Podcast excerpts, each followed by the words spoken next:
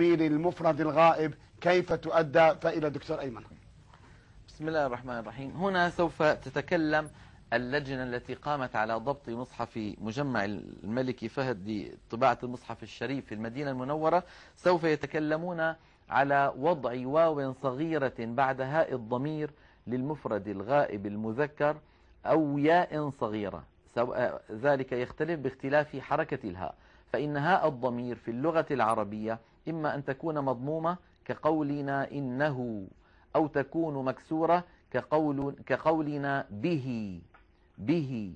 فإن كانت هاء الضمير واقعة آه، فإن كانت مضمومة وواقعة بين حرفين متحركين فإن العرب كما مدوا صوتها وطولوه حتى ينشأ من ذلك واو لفظية في حال الوصل. مثلا فيقولون إنه على رجعه لقادر. إنه فينطقون واوا واو غير الضم. واو كاملة. نعم. واو غير الضم. يعني يطولون الضمة حتى ينشأ منها واو. ولكن هذا في, في الصوت فقط. أما في الكتابة فلا يكتبون واوا. فلذلك علماؤنا جزاهم الله خيرا من أجل أن يكون نطقنا للمصحف الشريف نطقا صحيحا وضعوا لنا واوا صغيرة بعد الهاء المضمومة بمعنى انتبه أيها القارئ عليك أن تمد صوتك هنا إلى أن يتولد معك واو لفظية وهذا في حال الوصل. أما إذا وقفنا فنقف بالهاء الساكنة فنقول إنه ولا نقول إنه على لا نفعل ذلك.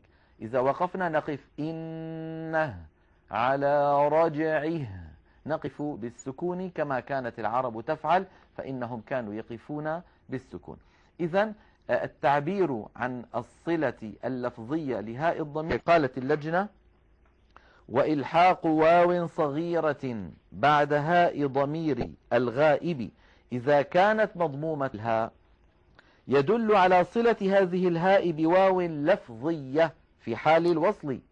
وإلحاق ياء صغيرة مردودة إلى الخلف بعد هاء الضمير المذكور إذا كانت مكسورة يعني إذا كانت الهاء مكسورة يدل على صلتها بفضية في حال الوصل أيضا.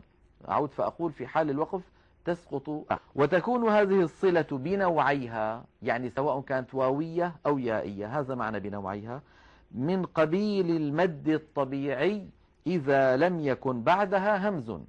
فتمد بمقدار حركتين نحو قوله تعالى إن ربه كان به بصيرا. إن ربه كان به بصيرا. نلاحظ كيف كتبت ربه. انظروا بعد الهاء تجدون واوا صغيرة. به انظروا بعد الهاء تجدون ياء صغيرة مردودة إلى الخلف.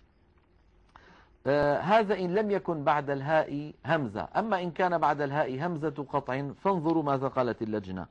وتكون للمد المنفصل إذا كان بعدها همز فتوضع عليها علامة المد وتمد بمقدار أربع حركات أو خمس.